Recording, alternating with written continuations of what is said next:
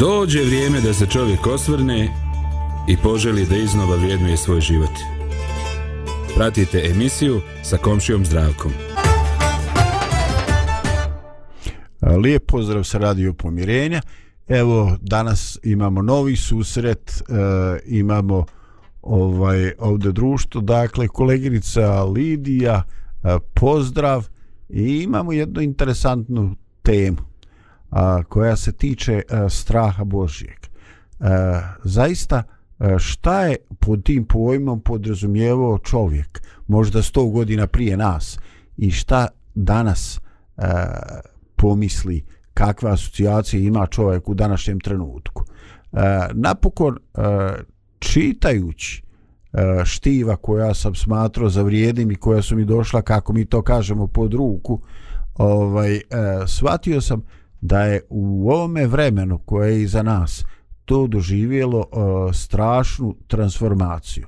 Eto, e, mi obično kažemo da je neki klasični svijet, ovaj, kao i srednji vijek, e, da je u njemu jednostavno postojao taj e, strah od e, Boga, od bogova, od svijeta duhova.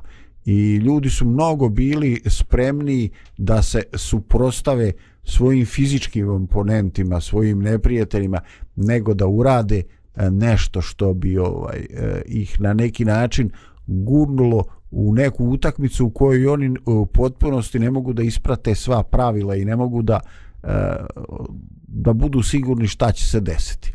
Eto, jedan od, od poznatih ovaj, slučajeva koji nam dolazi čak iz vremena starog zavijeta jeste situacija u kojima kojoj je e, car David e, na neki način morao da se preda, da dođe na teritoriju koja je bila onako potencijalno neprijateljski raspoložena i jednostavno mogla ga je to koštati utamničenja pa čak i smrti.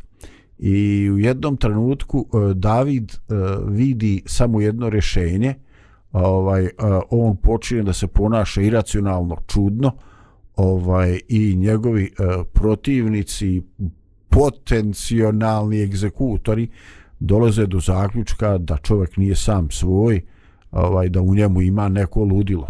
I izgleda da je u takvom trenutku to bilo sasvim dovoljno e, da on njegov život makar fizički ne bude ugrožen.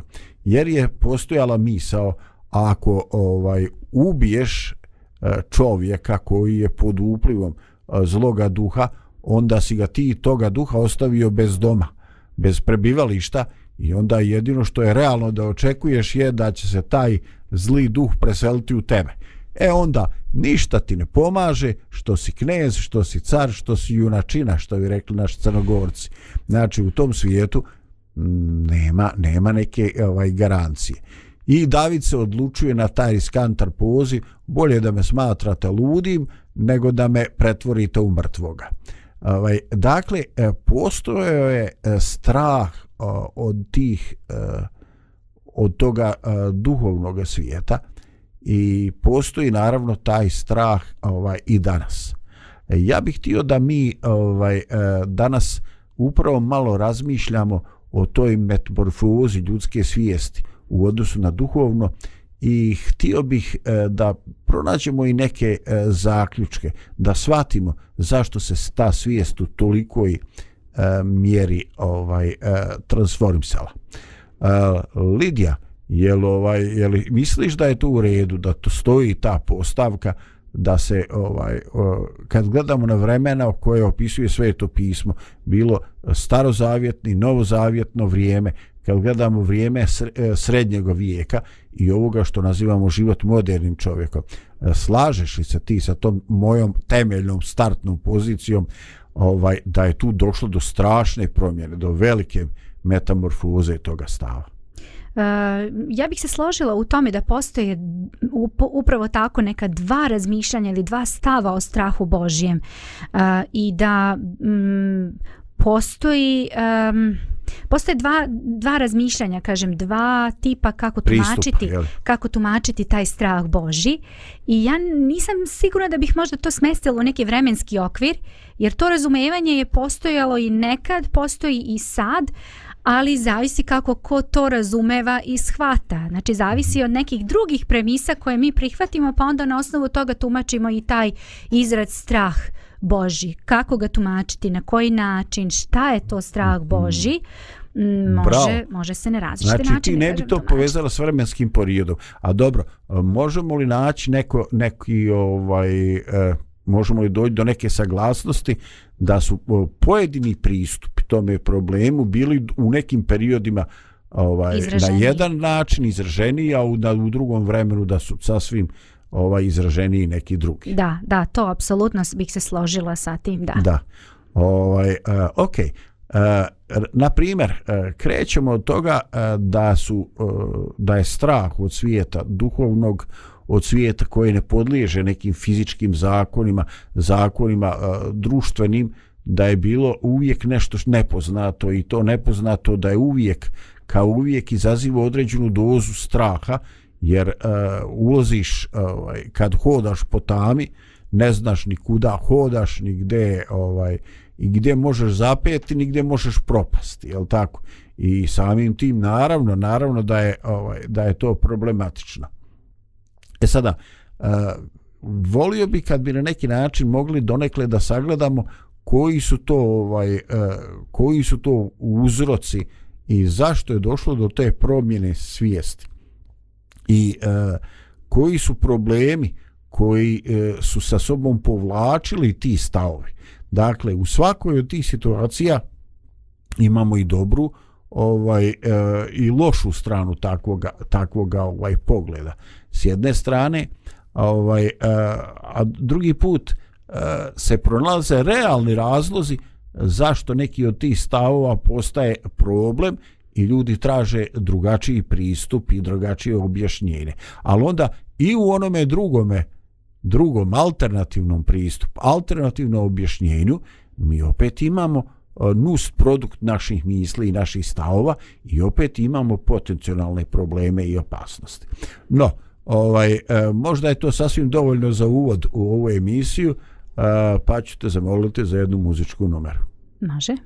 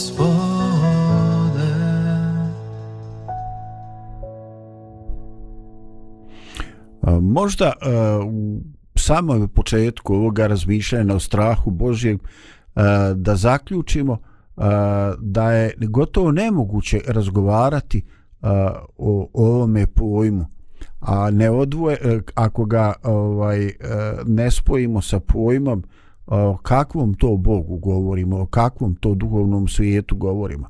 Jer i samo značenje tog pojma E, kakav je tvoj strah gospodnji, da li je on realan, da li je poželjan, da li je koristan? Ili je to nešto što je otežavajući faktor? Ili je to neka frustracija od koje nema koristi, prvenstveno zavisi od toga kakva je slika Boga o kojem mi govorimo. Jer ovaj, e, kao što se e, mijenjala slika o Bogu kroz istoriju, tako se ovaj mijenjali su se i ljudski, ljudski odgovori.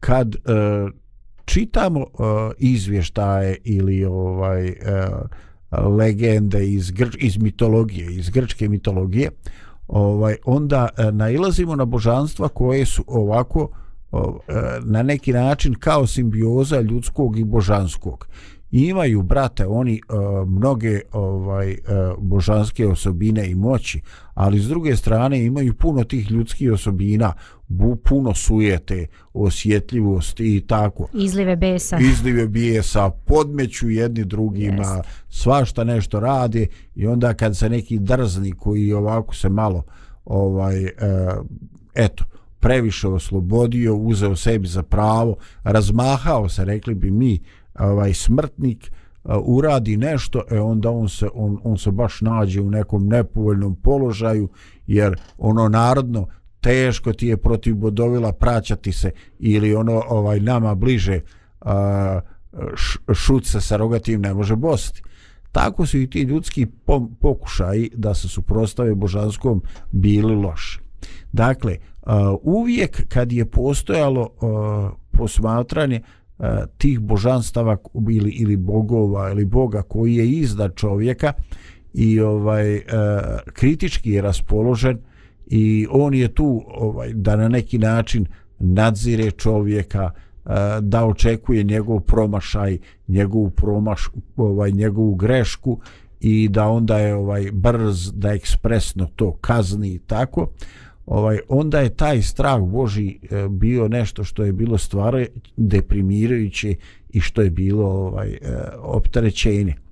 Ovaj i, i u svakom slučaju e, taj i takav strah Boži ni u kome slučaju nije doprinosio nekoj psihološkoj stabilnosti ljudi koji su živjeli ovaj takvu takvu religioznost. I onda rekao bih ovaj e, starozavjetni nagoveštaj Hrista, posebno onaj u psalmima i u knjizi proroka Isaije, pokazuje Boga na jedan sasvim drugi način, a ovaj e, Isus to materializuje, pokazuje uživo i ovaj e, to je toliko na jedan šokantan način, toliko mijenja svijest čovjeka, da učenicima i ostalima e, treba vremena da oni e, povežu to što vide na Isusu i to što su oni čitali davno i ostalo im je u pamćenju. Pa kaže, jest, pisali su proroci. Znači, jer mi vidimo da oni vide samo jedan aspekt proroškog nagovještaja, ali da ovaj e, da imaju veliki problem, znači trebalo im je vremena da pomažu, da povežu uh, proročki nagovještaj i ono što su uživo vidjeli u ovaj u Isovom ponašanju. Ovaj i onda eh, onda se dešava ta transformacija. Dakle, eh, Bog nije čudljivo zlopamtilo ovaj iz starog svijeta, iz grčke mitologije, nego neko ko je jako zainteresovan za čovjeka, ovaj i neko ko je e, zaista raspoložen da učini sve što je moguće da bi taj čovjek nekako došao sebi i da bi došao Bogu. Da bi se taj odnos uh, promijenio. Ovaj, I tu je neki put, e, i mi tu imamo sasvim jednu ovaj drugačiju situaciju. Evo, uh, uvodni stih uh, koji pronalazimo u drugom psalmu kaže ovako, uh, kaže da služimo gospodu sa strahom i da se radujemo sa trepetom. E, ovo je meni baš onako baš, baš ovaj onako posebno. Ovaj, e, Lidija, kako ti to uspijevaš spojiti? S jedne strane, služi gospodu sa strahom, a druge, raduj se s treptajem. Ovaj, jer kad e, mi kažemo da se nečujem radujemo sa treptajem, onda nas to ovaj, asocira neku, neku radost koja nam je onako baš intenzivna, obećavajuća, nešto što je veličanstveno, znači nešto što prevazilazi neki, eh, ajde kažem, očekivani normalni ovaj pozitivan događaj nego nešto što je ovaj baš baš veličanstveno. I mi ja se sad pitam kako su ljudi onoga vremena naravno i pitam se i kako ljudi danas doživljavaju ovakvu kombinaciju nečega što na prvi pogled eh, suprotno zvuči kad da. se stavi jedno pored drugo. Ma jeste. Samo da te pitam, to je psalam drugi, je li tako? Da, Koji stih? e, mislim 11. E, služite da gospodu sa strahom i radujte se s trepetom. Odličan stih. Kako nisam ranije, ja inače jako volim psalme i čitam psalme, ali nikad nisam nekako naišla na ovaj stih, baš mi dobro zvuči. Tako mi je ovaj, super, hvala ti što, što si nas podsjetio na ovaj stih. E, ja bih se samo malo vratila jedan korakčić unazad. E, mi, recimo, evo, slušalci i gledalci su videli naslov, znači današnje teme, strah Boži ili strah gospodnji. Eto, ajde da tu probamo da stavimo nekako znak jednakosti.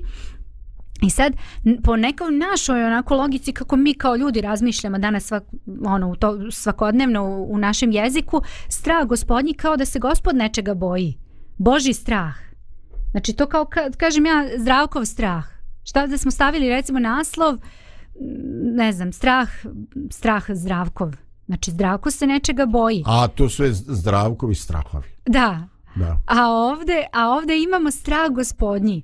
Um, ovde uh, ne stoji strah od Boga ili strah od gospoda, zato što to onda sugeriše upravo na ono što mi želimo da izbegnemo i što, što čitava Biblija i biblijski tekst želi da kaže nešto sasvim suprotno. Boga se ne treba bojati. I sad kao što si ti rekao, u različitim vremenskim periodima ljudi su različito razumevali taj strah Boži, strah gospodnji ili strah, hajde da kažemo opet uslovno, od Boga ili strah od gospoda. To je različito tumačeno i zato su ljudi rekli strah Boži i strah gospodnji. E sad ovdje, ovdje u ovim stihovima je to baš onako, da kažem, izgleda jako paradoksalno. Znači ako se bojiš, evo 11. stih, kaže služite gospodu sa strahom, aj to mogu i da razumem, znači bojim ga se i služim mu ono za, da me ne istuče, da mi ne, ne napravi neko zlo, znači moram da ga se bojim jer nemam kud. To mi je jedina opcija. Dobro, služim gospodu sa strahom, to razumem. Ali kaže, radujte se s. Kako se radujem, znaš, bojim se da će da me istuče moj gospodar, a ja treba da se radujem, po kako je to moguće. Takav mi je to paradoks, znači da služim sa strahom i da se radujem sa trepetom. Međutim, ako vi eh, pogledate eh, ovaj biblijski tekst iz jedne druge perspektive, iz, iz druge priče, priče koju poznaje David, koju poznaje mnogi, biblis, mnogi biblijske ličnosti, onda ćete shvatiti šta u stvari znači uh, strah gospodnji. Ne znam da li si možda mislio kasnije da spomeneš taj stih, ali meni sve vreme odzvanja uh, kao eho u glavi. Ajde napred, napred. slobodno. Da, onaj stih u, u e, mislim da su priče Solomunove, možda deveto poglavlje, čini mi se, gde kaže početak je mudrost i strah gospodnji. Znači ako hoćeš mudrost, ako hoćeš da ti je e, dobro... tu me nađe, E. vidiš, vidiš, počela si, počela si prvi ko, dobar korak u otvaranju tegle. Yes. Da. Ovaj, ajde, otvori mi ovu teglu, jer nikako da dođem do ovih kuvanih paprika Da. za zemljicu. Da. Da probamo da shvatimo Da. kakvog su ukusa te paprike baš nas zanima. Hajde one da ih probamo. crvene. E to. Skoro e. dobio od svastike donijela ona jednu Au, teglu. čoveče. Mogu ti reći da su super. ono. Odlično, da, recept ako si uzeo još bolje. Ja volim kad nije previše kiseline, onako E, je da, kiselina da, da je sagori sve. Ma bravo. Da. Viš kako mi, kako ja lako se na Odmah, svakoj temi sklizne, skliznem ka hrani. Et, kad ti je, kad ti je, kad si takav čovjek da voliš da papaš, to ti je tako. Da, no dobro, valjda ja, su, već, valjda su već navikli na mene slušalce da volim da jedem. Da. Ovaj, Nego da. da, se mi vratimo na stragu Ma, spodnje. ajde, ajde, naravno, tu smo radi tog Da, da, da. pi- posla. Da, pa okej, mislim mo, mo, mogu da nastavim jer meni je vrlo zanimljiva ova priča i baš volim da, da ovome razgovaramo. Jer ljudi su podstaknuti tom idejom uh, kakav je Bog, kakvo je božanstvo, znači u ono vreme, znači pre pre i Hristovog e, života na ovoj zemlji, pa i za vreme njegovog života, a možemo govoriti o kasnijem periodu, na različit način razumevali Boga, ali pogotovo u tom nekakom, nekom periodu bila je ta grčka a, mitologija jako razvijena. Znači to to je to je bilo nevjerovatno. Određivalo svijest ljudi, Jeste. jednostavno neki, neki Jeste. I oni su božanstvo uopšte gledali iz te neke perspektive. Znači, Bog je za njih bio neko koga treba da se bojiš, bukvalno da se bojiš. Znači, strah od Boga jer je Bog neko koji je iznad tebe, on može šta god hoće, on može kako god hoće. Um, mi vidimo neke te uplive, nažalost, moram reći, i danas u nekim religioznim pravcima i da ljudi su pod tim nekim utiskom i dalje i danas formirali neku teologiju koja mogu reći da poprilično na čvrstim nogama stoji. Ali hajde da ne ulazimo sad u tu priču. Ono što je e, činjenica jeste da da ta priča je obojila sliku o Bogu kakav on stvarno jeste, znači o božanstvu kakvog mi poznajemo i kakvog koga mi ovaj poštujemo i koga mi uh, verujemo. I e, Bog je nekako kroz čitavu tu istoriju pokušavao ljudima da približi tu sliku. Pa vidimo evo recimo i kroz žrtveni sistem. Ajde da ja sad ne, ne idem previše u detalje, ali samo ću to reći. Znači kroz žrtveni sistem, on je njima hteo da kaže, hej, ljudi, ja vas volim, ja želim za vas nešto dobro, ja želim da vas izvučem iz tog blata u kome se nalazite. Ja sam tu za vas. Ja nisam neko koga treba da se plašite i bojite, ali ljudi su stalno nekako bili u tom nekom strahu i, i uvek u toj nekoj potrebi da da se um, izbave od tog božanstva koje samo jedva čeka da neko zgreši i da onda božanstvo navali. E sad govorimo šta strah nije, ali šta strah, strah jeste, ajde možda malo kasnije. Mm -hmm. Da, ovaj, ajde možda je, pošto si ti to prilično ovako ovaj, e, prošla kroz tu tremu, onako s kraja na kraj, aj, da pustimo još jednu muzičku numeru, pa da vidimo kuć nas ovo još odvesti. Može, naravno. Radio, radio pomirenje.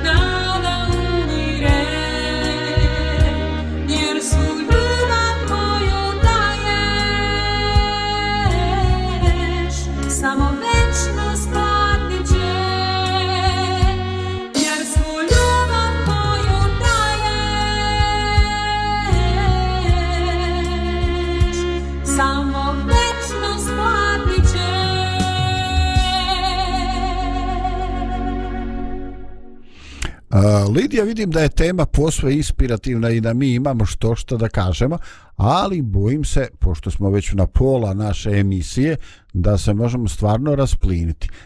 Pa bi e, želio da u ovome trenutku jednostavno e, uzmemo neku ideju, vodilju, znači da u startu definišemo neke pojmove, a to je, ako Biblija uvijek iznova spominje strah gospodnji, kao nešto što je pozitivno, što treba imati, u čemu nije akcenat na straha od Boga, nego određeni strah, respekt ili osjećaj odgovornosti prema životu koji ti Bog daje kao nagradu za neko tvoje istražno, neko tvoje istrajno traženje istine e, i tako. E, dakle, e, e, trebalo bi u startu nekako da definišemo sam taj pojam straha gospodnjeg to- iz perspektive kako je on opisan i kako je on definisan ovaj u svetome pismu. Dakle, e, krenut ću od, od negacije, možda je lakše reći prvo šta nije strah gospodnji. Dakle, u tom nekom starom svijetu, u grčkoj mitologiji, postojao je bog koji je često bio hirovit ili bogovi, pa su onda i ti bogovi međusobno svađali ko neke tetke na tržnici i ovaj i onda čovjek upadne u tu kombinaciju i kad se slonovi tuku, oni mali nastradaju, je tako? Ovaj, e, ali u svim tim situacijama, dakle, nemoj ti ničim Boga isprovocirati, nemoj raditi ništa što se njemu ne dopada, jer on će odgovoriti, a kad on odgovori i kad krene da kažnjava, ne može se nikom obratiti, ne može se nikom žaliti. On će jednostavno iti, istirati ovaj to svoje do kraja, dogod ne kaže "E, sad ti je dosta bilo, ok, aj sad dovoljno se ispatio, sad ću to malo pustiti na mir. Dakle, u toj koncepciji a, Bog i dalje ostaje gore, čovjek ostaje dole i samo možemo reći da je on dobio neku lekciju i da kaže buraz neću, ja to više brate boli kad šiba, je li tako? To je rezultat takvog nekog Apsolutno. religioznog koncepta. Da. I definitivno ono što mogu reći u ovome trenutku, to nije identično s onim što se u Bibliji zove strah gospodnji. Jer ovdje nema ništa e, ovdje nam ništa nikakvog nemamo saznanja ovaj e, o konekciji. Biblijski strah gospodnji dolazi kao dar Boži u naša srca e, kao rezultat onoga da čovjek odvaja svetinju od profanog, od svakodnevnog i tako. Dakle, E, strah Boži kao odgovornost prema životu i odgovornost prema posljedicama onoga, onoga što radimo. Ali ovaj strah gospodnji u kome je uključeno da je Bog neizmjerno zainteresovan za nas, da nas on e, zna, da nas zna po imenu i da nas želi spasiti, obnoviti. I tako nekoj, e, u takvom nekome saznanju, gdje akcenat nije e, koliko da li si ti nešto svjesno ili nesvjesno pogriješio, nego je akcenat na to kako to utiče na tvoju vezu s tvojim gospodom. Da li se vi približavate ili se ovaj odaljavate. E, eto, e, interesantno je e, da u biblijskim primjerima Božjeg postupanja prema ljudima koji su u nekom prekršaju, mi nalazimo potpuno, ono baš full, drugačije primjere nego recimo u grčkoj mitologiji. Dakle, ovaj, imamo ljude koji griješe, i Bog kaže, joj, nije trebalo, ali dobro, ne veze. I imamo ljude koji nešto zgriješe i odmah dobiju po glavi. Evo, na primjer, uh, primjer. Ovaj, uh, prenose uh, kovčeg zavijeta i onaj lik, sad sam u Lidiju zaboravio ime. Ovaj, Uza. molim? Uza. A uza, da. Ovaj, I nešto oni posrnu i postoji opasnost da će kovčeg da padne i on onako, znaš, momčina ima masu, ima mišiće, on tu priskoči i podupre on slučajno da to ne bi palo. Kaže, ubi ga Bog na licu mjesta. Mm. -hmm. Što? Šta pipaš, bolan, to nije tvoja nadležnost. Ni ti si tu, ti da spašavaš kovčeg gospodnji, pa čovječe koliko anđela tu okolo oda. Šta si ti sebi umislio da si ti i tako. Znači, kad čitamo takav, ovaj, takav primjer, mi kažu, u čoveč, ovo nije tako jednostavno. Nije zašaliti se. Ma ovdje se nije šalt. Da. A pogledaj, uh, David se nalazi u ratnom pohodu, prognan je ovo i ono, i znači postoji jasno definisana hramska iskustva na onome stolu, tamo u svetini, hljebovi koje e, dozvoljeno jesti samo e, sveštenstvu, onima znači koji služe u hramu. I ovaj došao s 20 momaka i mi kažemo u Bosni krepu od gladi i on uđe i pokupi te hljebove i nahrani svoje ljude. I šta Bog? Ništa. Ništa. Ništa. I sad ja kažem, čekaj, čekaj, ovdje nešto nije u redu. Da, da, a ako je nešto u redu, onda ja to ne kontam. I onda veoma brzo za- zaključim, ovaj, e, istina je, ne kontam ja. Ovdje nešto. Ovaj, dakle, Bog zadržava a, suvereno pravo da a, događaje verifikuje na svoj način i da im daje značenje. Ali svi ti kontradiktorni događaji u njima nešto Lidija ovaj se ovaj u njima se nešto pronalazi. Problem nastaje kad čovjek gubi osjećaj za svetinju. Kad ovaj pomisli da je on neko mjerilo i da su njegovi stavovi da će se bilo šta na svijetu dešavati zbog toga što on e ja sam ja sam mislio ovaj e, dakle ispade da to ja sam mislio je jako loš argument u, u, u za neke krizne situacije. Mhm. Ako si loše mislio, ti dobi po glavi. Apsolutno. Da. Ovaj, dakle, mi vidimo strah gospodnji. Bog te voli. Bog te ovaj, želi spasiti. Bog je spreman da pokriva tvoje promašaje.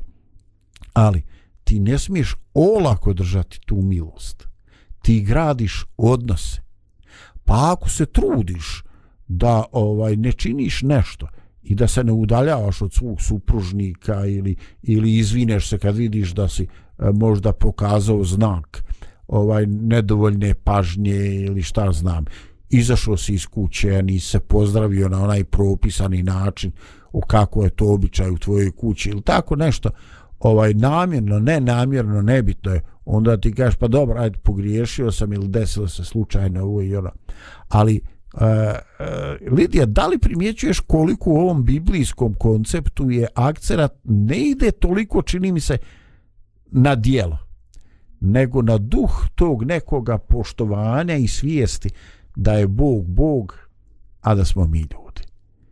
Dakle, nema onih, ono, znaš, e, Bog ovo dozvoljava, ovo ne dozvoljava. Znači, nije toliko akcerat na tome, nego je akcerat upravo na to e, kako će se to odraziti na moj odnos Mhm. sa mojim gospodom.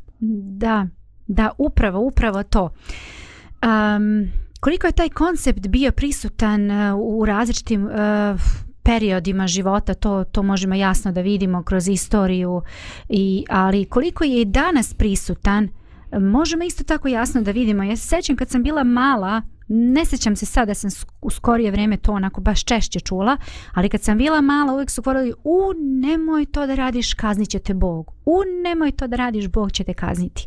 Nemoj slučajno. I stalno je tako to provejavalo. Mm, ne znam jesi ti to primetio, ali ja jesam kad sam bila puno mlađa da je to, to je bilo jako, jako prisutno.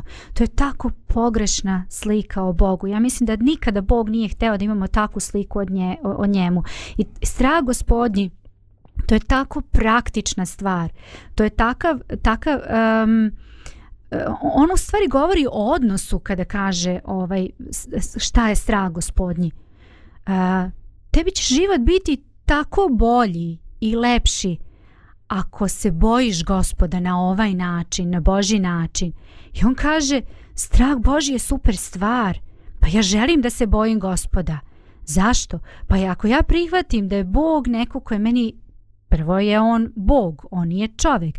Znači da, da sva moja argumentacija i želja da shvatim neke stvari mm, nisu uvek ispravni i često nisu. Bolje da prepustim Bogu da Bog da Bog to nekako reši, izreguliše i pomogne mi da shvatim možda nešto što ne mogu da razumem. Ko sam ja da razumem sve i da sve shvatim? Bog mi je dao da nešto shvatim i razumem i to potpuno poverenje u Boga mi kaže da ja se bojim Boga u tom smislu i u tom kontekstu jer znam da je On iznad mene. Sa druge strane, strah gospodnji je praktičan. On kaže, pa dobro pošto, je toliko teško često govorimo ploče, ploča zakona. Ona lijeva strana koja govori možda više o odnosu prema Bogu, ali ona desna strana koja govori o odnosu prema ljudima, pa dobro će ti biti ako se mene bojiš. Znači, kaže stih, ja se opet vraćam, početak je mudrosti strah gospodnje. Ako hoćeš da budeš mudar, to nije ona mudrost, znaš, e, ja znam koliko je, ne znam šta se, koje su sve države na evropskom kontinentu, znam na pamet, znam sve glavne gradove. To nije ta vrsta mudrosti, nego je to mudrost odlučivanja ispravnog postupanja. Znači, ako želiš da ispravno postupaš u svim životnim situacijama, boj se Boga početak toga ti je strah gospodnji. Da shvatiš da je Bog onaj koji ti daje uputstva kako da živiš. I samo tako može da ti bude dobro. Znači ako hoćeš da budeš mudar, pa ispoštuj ono što ti Bog kaže, jer Bog tebi želi dobro. Ja to tako razumijem. Super. Ovaj evo htio bi ovaj, ovaj da pokaže malo hrabrosti. Ovaj eh, jer eh, ili ako ništa da podijelim sa vama jedan eh, moj makar doživljaj koji može biti ispravan, ali naravno ovaj e, vi o tome sunte na svoj način.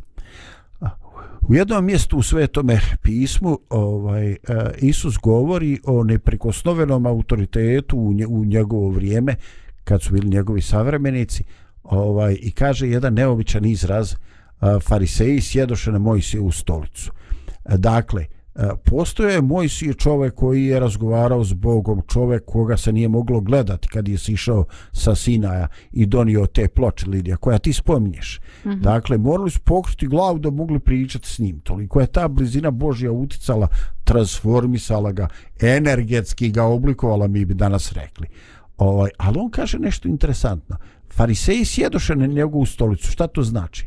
Uzeli su sve stvari koje su prirodno proizilazile i tog autoriteta, autoriteta koji je nastao zato što je bio blizu Boga. Ali to su uzeli ljudi koji nisu blizu Boga mm -hmm. i koji su skoncentrisani na vanjske oblike pobožnosti. Ja bih rekla najgore kombinacija. Da, i sad pogledaj šta Isus kaže. Vi fariseji, vi ste okračeni grobovi. Joj Bože, koji izraz. Mm -hmm. I kaže, vi čistite čašu s polja. A unutra, e pa kao, kao okrečeni grob. Unutra fino okreći okolo, a unutra užas, smrad, raspad ljudskog tkiva, nepodnošljivi smrad. Jer e, ljudi koji su morali doživjeti neke stvari u životu, kažu ni jedna životinja mrtva ne, nema, nema zadah kao mrtvo ljudsko tijelo u raspadanju. Dakle, e, grozna scena. I on koristi za vodeće ljude ovaj e, toga vremena. Ovaj e sada, ne bih želio da ostavim poseban ovaj utisak, ali e, interesantan je istorijski iz ove perspektive straha Božjega e, taj prelaz dakle ovaj e, ta e, mjesto gdje se e, dodiruju dakle e, sve to što je sadržaj duhovnosti srednjega vijeka i ovaj novi vijek racionalizam protestantizam i tako. Dakle s jedne strane e, šta je izazvalo otpor? Dakle ja stvarno e, ni u ludilu ne prihvatam glupi ljudi koji u srednjem vijeku vidi samo negativne mm -hmm. stvari. Znači to je period kad su ostvarena takva takav napredak takva nadahnuća stvorene e, takve zgrade, naslikane takve slike, napisani takvi tekstovi da je to jedan uh, da je to jedna doksologija, da je to slavljenje Boga na način koji je fantastičan. Ali, upravo u tome trenutku se desio triumf onoga što je Isus nagovijestio s farisejima. Dakle, ta Božja veličina, koja je s pravom trebala biti uzdignuta, uzdignuta je na način da je ljudima poslata pogrešna poruka da ogroman uticaj na njihove života, na njihove sudbine ipak ima čovjek. Znaš ono, što svežete na zemlji, zemlji bit će mm -hmm. svezano na nebu i obrnuto. Ovaj, da je taj stih doveden do svoje karikature i rezultat je bio ovaj uvijek kad nesavršen čovjek tu tumači volju Božju, mi smo u problemu. I onda su ljudi, čekaj, to Božja pravda.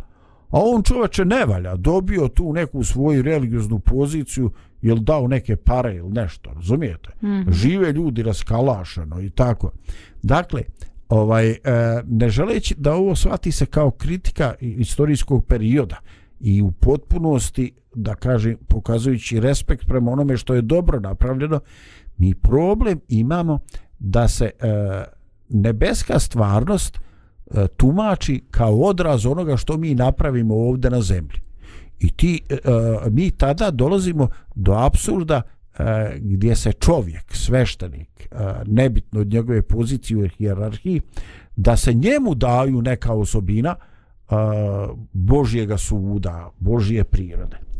Ovaj, I onda, kao rezultat toga, mi imamo pojavu jeli, racionalizma u filozofiji i protestantizmu u religioznom svijetu, gdje kaže nemate vi ljudi tolika ovlaštenja. To je umišljeno. Vi ste sjeli na moju sivu stolicu i zaista uh, start takve misli je ok, pretjeralo se. Previše su ljudi uzimali sebi za pravo, uh, desila se inkvizicija, desilo se šta se desilo i onda kreće protestantizam i ajmo biti pošteni. U samom početku imaš ponavljanje isti stvari koji su bile povod za pobunu, u samom početku i nisu, ali vrlo brzo. Ovaj, da, vrlo brzo. počeli oni neke stvari da, raditi. Razumiješ, ono, Lutar je protiv tamo seljaka, mm -hmm. ovaj drugi čak spreman da spaljuje i tako. Znači, ono, strašna jedna situacija, šta se desila? I onda, uh, kad god klatno izađe iz nekog centra ravnoteže, ono ode u drugu krajnost. Tako je. I odjedan put, umjesto ta misao, Božju pravdu određuje samo Bog. E, Bog je moćan, ali to ne znači da se trebam klanjati pred čovjekom, odlazi u drugu krajnost. I mi imamo opetovano, stalno ponavljanje onog drugog aspekta. Bog je vaš prijatelj, on vam želi uvijek dobro, dobitno je da imate dobre namjene, sve će biti dobro, pa do onog univerzalizma kad skamo kažemo svi će se ovaj spasiti što opet je imalo svoje imalo je svoje uzroke u teologiji i u vijekovima prije toga. Dakle, Lidija, jel ti vidiš, uh, hajde, mislim, možda ružno rečeno, ovaj, da li tebe šokira uh, to što mi ljudi nikako na zelenu granu? Yes. Znači, mi ili imamo strah od Boga koji pre, dolazi tako daleko da se onda bojimo i svakoga čovjeka, mm -hmm koji je neki predstavnik Boži, što opet nije bila bolja Božija, je tako? Do onoga drugoga, kao da je jedan put, kao da je Bog neki ovaj, tako, lokalni, lokalni čiča dobrodušni koji ovaj, ono sjedi tamo ovaj, ispred zadruge i čeka ko će doći plati pio. E, e, maltere takav nam Bog ovaj, ispa. I ja ne znam šta je od ovoga pogibeljnije. Mhm. Uh -huh. Ovaj, jer kad ja ovo sada pokušavam spojiti sa onim uvodnim stihom što se tebi dopao, To je nešto sasvim drugo. To je totalno drugi svijet. Kaže, bojiš se poreznika, bojiš se ugovaranja, bojiš se zlo, zlonamjernih informacija, eh, bojiš se bolesti, bojiš se eh, doktora, bojiš se svega. Čekaj, Buraz, što se ne malo i Boga bojao? Mislim, razumiješ, šta je tu Yes, abnormalno? yes. On odlučuje dok lećeš. Mm. Što se ne bi malo boja? Ali s druge strane, to svoje spasenje, raduj mu se, jer znaš kakav je taj Bog. I ovaj, uh, Da. volio bi da uh, oslušamo još jednu pjesmu prije, uh, prije završne uh, pokušaja da zajedno ovo uh, dovršimo. Može, može, ide pesma jedna.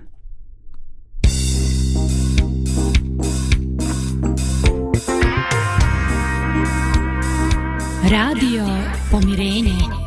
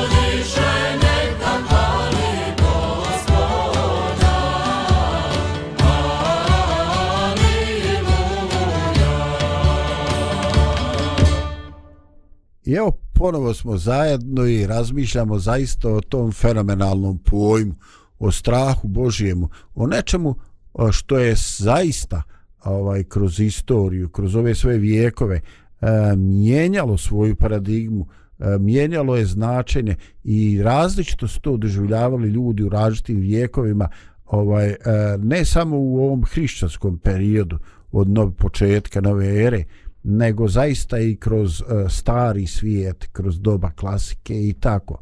I uh, kao što smo uh, dobro, čini mi se, primijetili, a to je uh, razumijevanje pojma strah gospodnje je direktno, ama baš direktno povezano sa našom slikom o Bogu.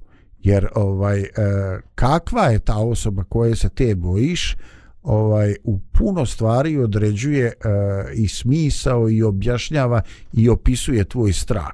Jer tvoj strah može biti strah od nasilnika koji ti može nanijeti ovaj e, bol, ali tvoj strah e, može biti e, da ne povrijediš nekoga e, ko je bezgon, bezgranično ovaj odan, ko te bezgranično voli i ovaj ne želiš da iznevjeriš nekoga ko je za tebe jednostavno dao sve.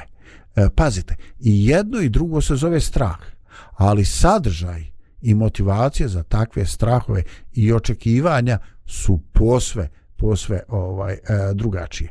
I pošto naše vrijeme u ovom emisiji jutarnjeg programa polako ovaj ističe, a Lidija ja ću zamoliti i, i tebe ovako da e, pokušaš rezimirati e, svoje utiske ovaj i da nekako podijeliš sa mnom sa nama e, šta je to ovako što na tebe e, od svega onoga što smo spomenuli ili možda nismo ostavilo onako najdublji dojam i šta bi ti onako apostrofirala ili naglasila kao najvažnije E, pa ovako ja bih samo možda dodala još jedan aspekt koji smo možda spomenuli, ali ja bih ga sada naglasila, a već smo ga spomenuli kada smo govorili o nekom tom srednjem veku, uzimamo kao primjer kao srednji vek, ali kažem kroz istoriju je bilo tih primjera jako puno, ali ovo je možda najočitiji, gde su ljudi um, o Bogu, sliku o Bogu um, dobijali na osnovu onoga što su čuli.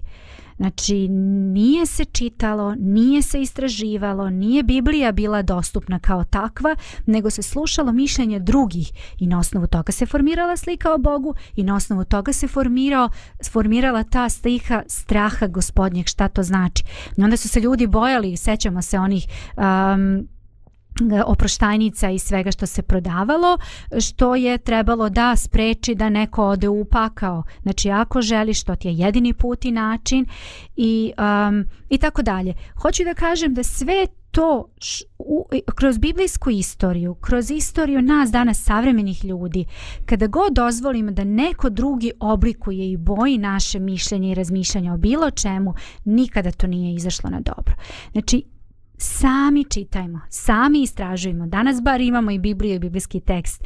Mm, hajde da oformimo jednu ispravnu sliku o Bogu, onako kako je mi, znači otvorimo svoj um u smislu, hajde da sada sve svoje ideje sklonim sa strane i da stvarno vidimo kakav je taj Bog.